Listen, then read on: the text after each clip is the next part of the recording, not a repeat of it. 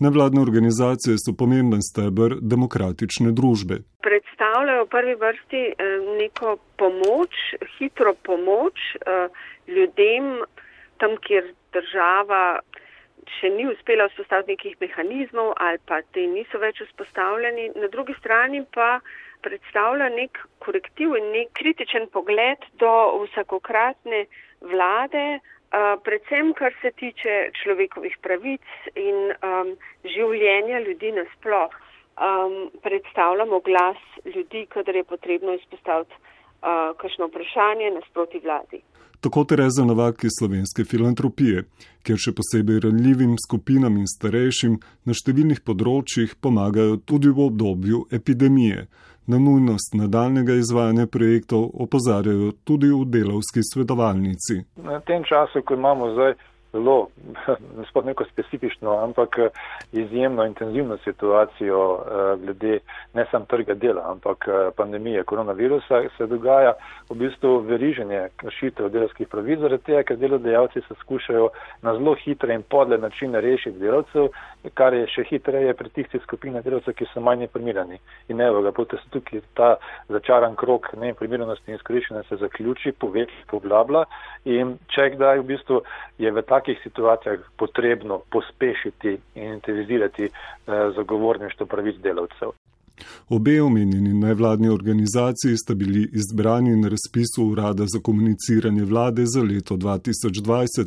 V začetku meseca pa sta strani UKOMA prejeli v podpis predlog aneksa. V tem predlogu aneksa je bilo zapisano, da glede na situacijo okoli COVID-19, torej koronavirusa, je treba biti zelo racionalni za proračunskimi sredstvi in praktično so predlagali, da pač se odstopi od pogodbe.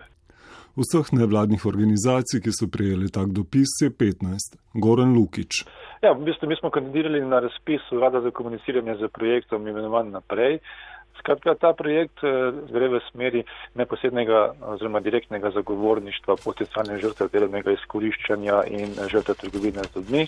V delovski svetovalnici pravijo, da se zavedajo, da je položaj zaradi epidemije koronavirusa resen. Ampak eh, je pa malce pod nivojem eh, tudi v smislu tega, da potem za vsako stvar, ki je politično motivirana, se potem da zraven predevnik koronavirus. Zakaj menite, da je politično motivirana?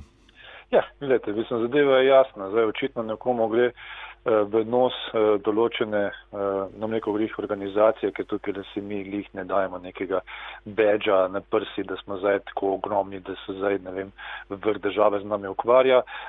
Zadeva je pa malce širša in sicer se vemo, kakve so v bistvu bile razno razne Twitter citati, če tako rečemo, vrha SDS-a političnega, predno so pršli na oblast, kaj bo naredili nevladniki. Tako da to ni zdaj zadeva, ki se tiče nas, kot delovske svetovalnice zgolj, ampak to je zadeva, ki se tiče nevladnega sektorja. Ampak tako, ste tako. podpisali? Ne, ne, seveda ne. Mislim, kar se nas tiče, je ta zadeva, mislim, za me osebno, eh, kot zastopnika Društva delovske svetovalnice, popolnoma brezpredmetna. Eh, mi nadaljujemo s tem projektom, eh, imamo predvidene aktivnosti v mesecu maju, tako da imamo odgovornost do pogodbe, in predvsem eh, v bistvu problemu, kajti tukaj, le, če damo na stran in politiko in eh, ideologijo, če je le možno, v bistvu nam ostane problem. In ta problem je v bistvu podinformiran, neinformiran in v bistvu, ko bi rekel, začasno in občasno informiran delavec, posebej v tistih sektorjih, ko se zelo, zelo veliko kršitev dogaja. V UKOM-u po drugi strani menijo, da se izobraževalni projekti v času epidemije ne morejo izvajati, da pa bi bilo smiselno vso energijo usmeriti v ozaveščanje glede nevarnosti COVID-19. Izpostavljajo, da so samo sredstva namenjena podnaslavljanju bila porabljena že do konca marca. Pričakovali so, da bodo nevladne organizacije to razumele, vendar aneksa ni podpisala nobena se nam argumenti, ki so nam jih poslali, bil je pravzaprav samo en, ne zdijo upravičeni in se mi zdi, da je to bolj na nek način simbolni napad na eno demokratično odločanje o prerasporeditvi sredstev, naprimer. V filantropiji so pripričani, da je program, za katerega so prejeli predlog aneksa, v razmerah epidemije še pomembnejši. Gre za program ozaveščanja o pozitivnih vidikih multikulturne družbe, pomenu občutljivosti na sovražni govor, o informiranju, predvsem pa je program usmerjen na mlade. Menite, da je tu ideološko ozadje? Ja, mislim, smo prepričani, da gre predvsem za ideološko ozadje. Ampak po eni strani je logično, da vlada, ki nekako ni naklonjena najbolj multikulturalizmu, ukine takšne programe. Ni? Ja, mislim, lahko, uh, lahko tudi tako razumemo, ampak um, saj po mojem mnenju se zamenjavo vlade ne začne vse spet iz nule. Mi vendar imamo neko ustavo, neka pravila, smo demokratična družba in če se nekaj sklene, je to posel, ki ga pač je treba izpeljati, um, vkolikor ni seveda v nasprotju z nekimi demokratičnimi in ustavnimi procesi, ker pa to ni. Tako da, ja, lahko to razumemo samo na tak način, da pač jim ni v interesu, da se taki programi izpeljajo. Menite, da so ti aneksi zakoniti? Ne, mislim, da niso, da nimajo prave pravne osnove. Goran Forbici iz Centra nevladnih organizacij CNVOS pravi, da sam predlog aneksa, ki ga je nevladnim organizacijam poslal UKOM, še ni nezakonit. Načeloma, ponudba, predlog aneksa je vedno zakonita. E, dejstvo pa je, da zato, da bi aneks veljal, se morate strinjati obe strani. V tem konkretnem primeru so Eh, pogodbe napisane tako, da jih eh, enostransko država eh, ne more prekiniti, kar pomeni, da ji ostane samo sodna pot. Nobena od nevladnih organizacij ga ni podpisala.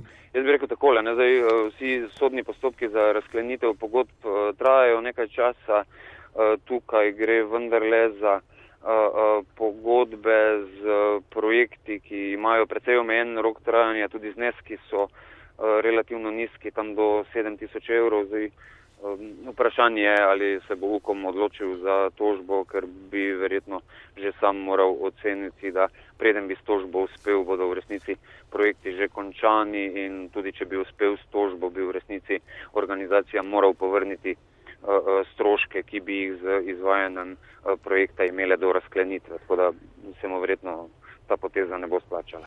Aneksa niso podpisali tudi v društvu Ključ. To, da sredstev, ki bi jih morali dobiti od urada za komuniciranje, niso prejeli. Ob tem povdarjajo, da epidemija trgovine z ljudmi ni ustavila.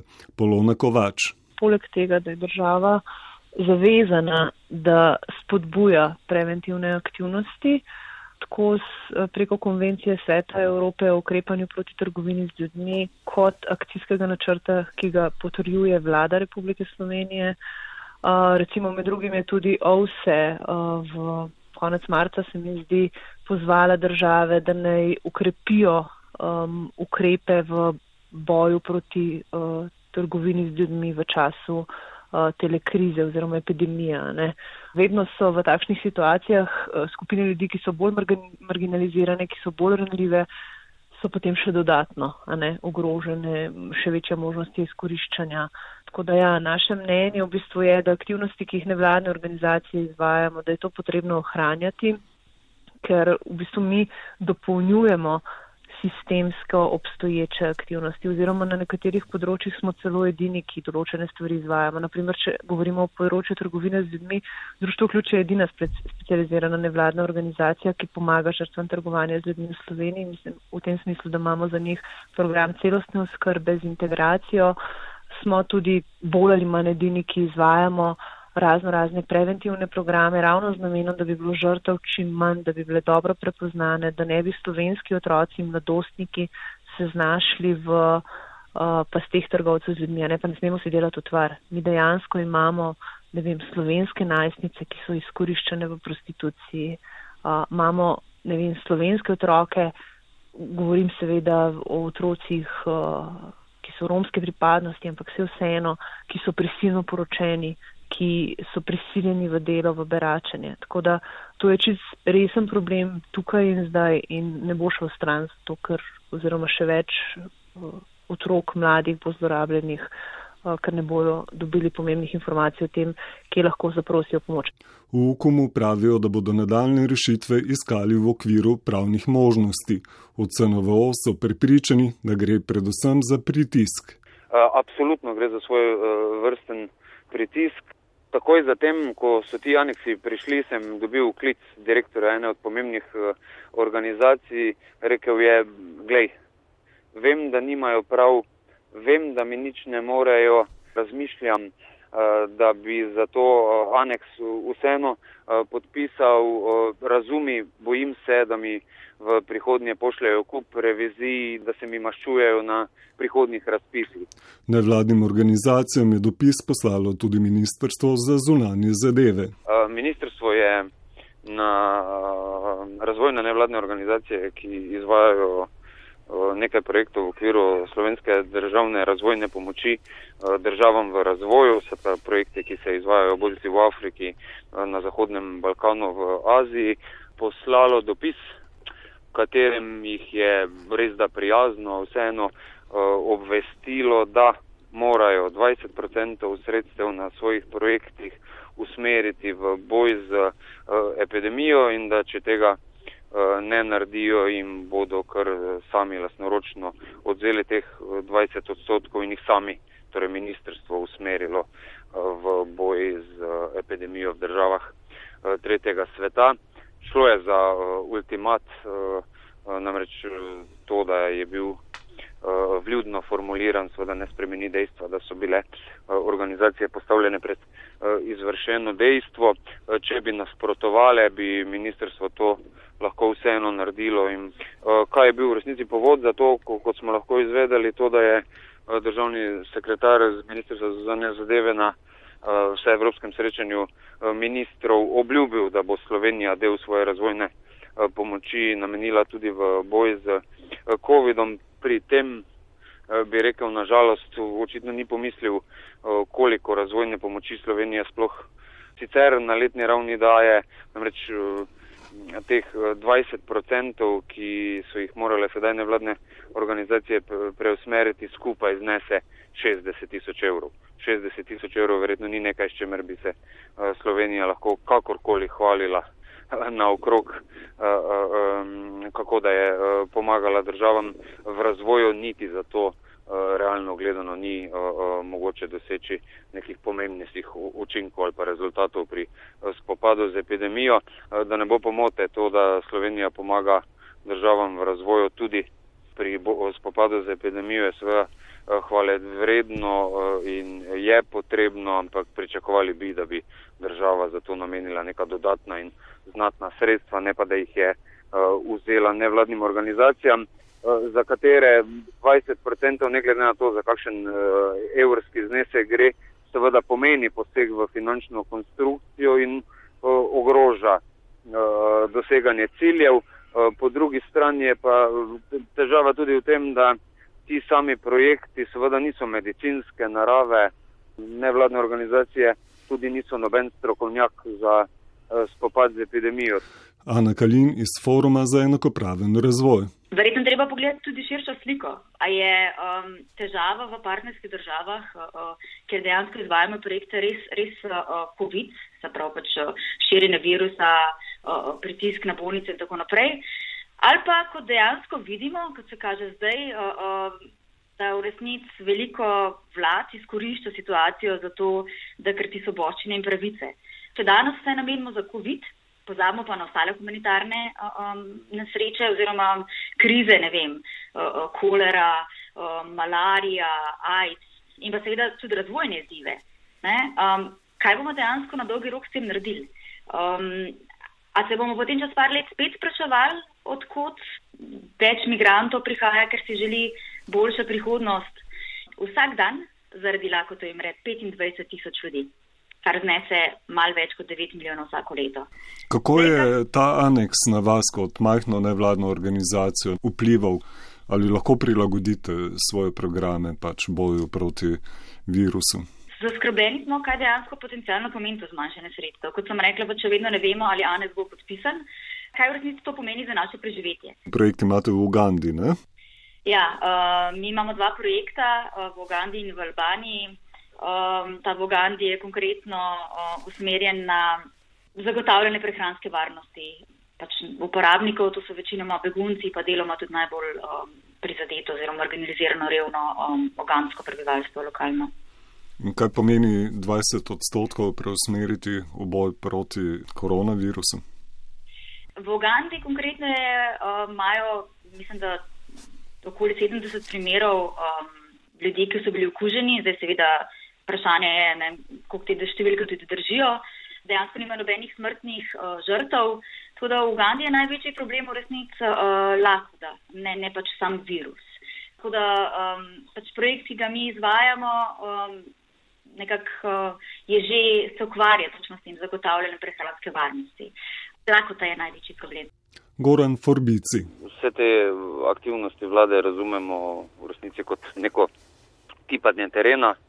Na eni strani uh, ali bo javnost in ali bomo nevladne organizacije uh, stvari samo sprejele, sklonili glave ali vendarle reagirale. Po drugi strani vidimo te aktivnosti tudi kot neke vrste opozorilo, pogledajte, Eh, kaj lahko naredimo, če hočemo. K boju proti epidemiji, še posebej blažitvi učinkov na gospodarstvo, želi prispevati tudi Ministrstvo za okolje in prostor. Za sodelovanje v postopkih pridobivanja gradbenega dovoljenja bodo morale nevladne organizacije dosegati izjemno visok prak. Pogoje za sodelovanje v postopkih, v katerih se presojajo tudi vplivi na okolje, bo po njihovem mnenju skoraj nemogoče doseči. Predsednik društva Ekokrok Uroš Macel.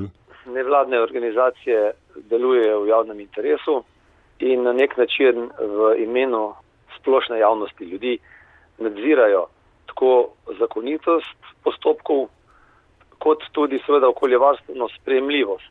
In uh, za omenjevanjem nevladnih organizacij seveda ta nadzor pade.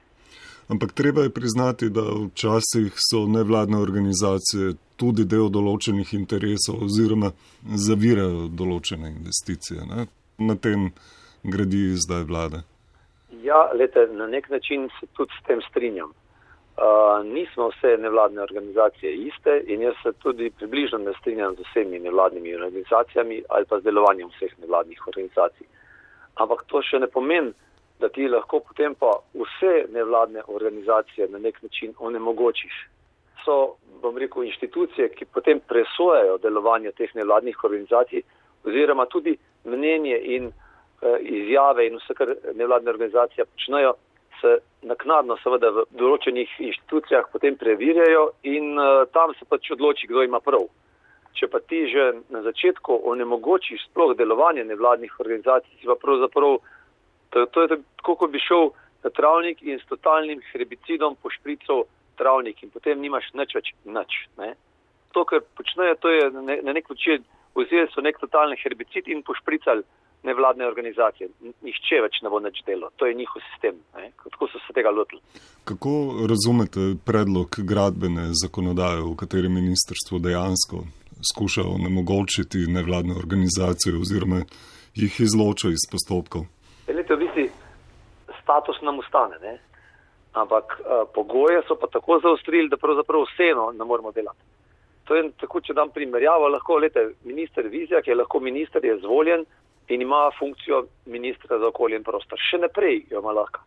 Ampak potem bom pa jaz postavil pogoje tako kot oni za dve leti za nazaj, In bom rekel, lete, lahko boste odprli usta in šli v službo kar nekaj napisali oziroma ministrovali, če boste, pa rečemo, postavimo pogoje za dve leti za nazaj, če ste bili, ne vem, dve leti za nazaj, petkrat, desetkrat, petnajstkrat na Triglavu ali pa če ste imeli, ne vem, eh, za rojst dan listo prisotnih, na kateri so se vsi podpisali in jih mora biti tuk in tuk. Ne? Tako kot recimo se pri nevladnih organizacijah so ravno tako napisali. Občni zbor mora biti, mora biti lista prisotnih, najmanj tukaj ljudi, plačana členarina na tak in tak način, nedopustni pogoji in seveda tudi prepričan smo nezakoniti pogoji, ki ne bojo zdržali. Ne. Zakaj nezakoniti? Jaz mislim, da je nezakonito postaviti pogoje uh, delovanja neke organizacije za dve leti za nazaj. In potem reči, recimo še to, da um, ja, mora biti uh, javno, je treba prikazati članstvo. Ne, nobenega članstva ne bomo javno prikazovali. Zakaj ne? ne? Ja, zato, ker za, za mene je to nezakonito. Potem ne politične stranke prikažejo javno vso svoje članstvo. Potem recimo zahtevajo od zavodov, da imajo najmanj tri zaposlene uh, za poln delovni čas in morajo imeti sedmo stopnjo izobrazbe točno za, za tisto smer, ki jo recimo uh, delajo. Ne? Mislim, pa se pa vprašamo, lete, kakšno stopnjo izobrazbe ima minister oziroma katero smer. Minister za okolje in prostor, ima pravo smer izobrazbe. A imajo vsi na Arsu in na MOPU pravo smer izobrazbe.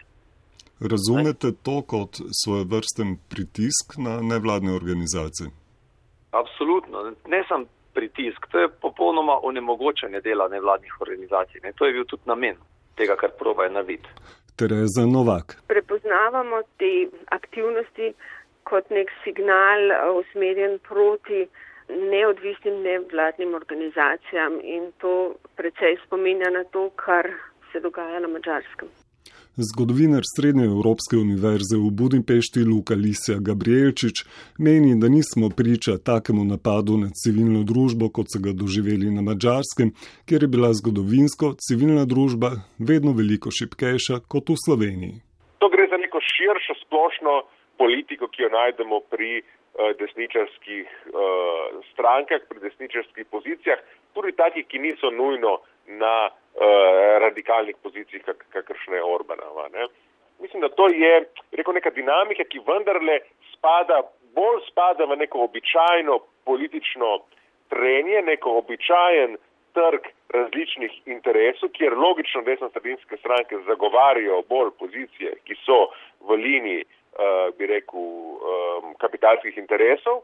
Nimamo pravi z logiko, ki smo videli na mačarskem, ki je mnogo bolj agresivna in gre, bi rekel, vrsto stopen dlje, gre v bistvu za, za kriminalizacijo, tako rekoč, eh, nevladnih organizacij in s tem trenutno v Sloveniji nimamo opraviti. Moramo zaradi procesov, ki so se dogajali na mačarskem, biti še toliko bolj previdni pri nas. Uh, ja, mi imamo na oblasti stranko, ki se, se pravi, niso, niso uh, ni, ni nasprotnik, niso nasprotniki SDS tisti, ki trdijo, da, je, da se SDS zgleduje po Orbanu, uh, po polski resnici uh, in po Salviniju. To pravijo njihovi lastni predstavniki in pravijo na razno razne načine, eksplicitno, implicitno, prek svojih medijev, prek rekel, državnih omrežij. Teh izjav je ogromno, po drugi strani pa ni nobene izjave, uh, ki bi se od recimo urbanističnih politik ali pa politik uh, polske resnice distancirale. Luka Lisek Gabrielčič opozarja, da se v trenutku velike koncentracije moči izvršne oblasti, tudi drugot po Evropi, vlogi civilne družbe ne bi smeli odrekati.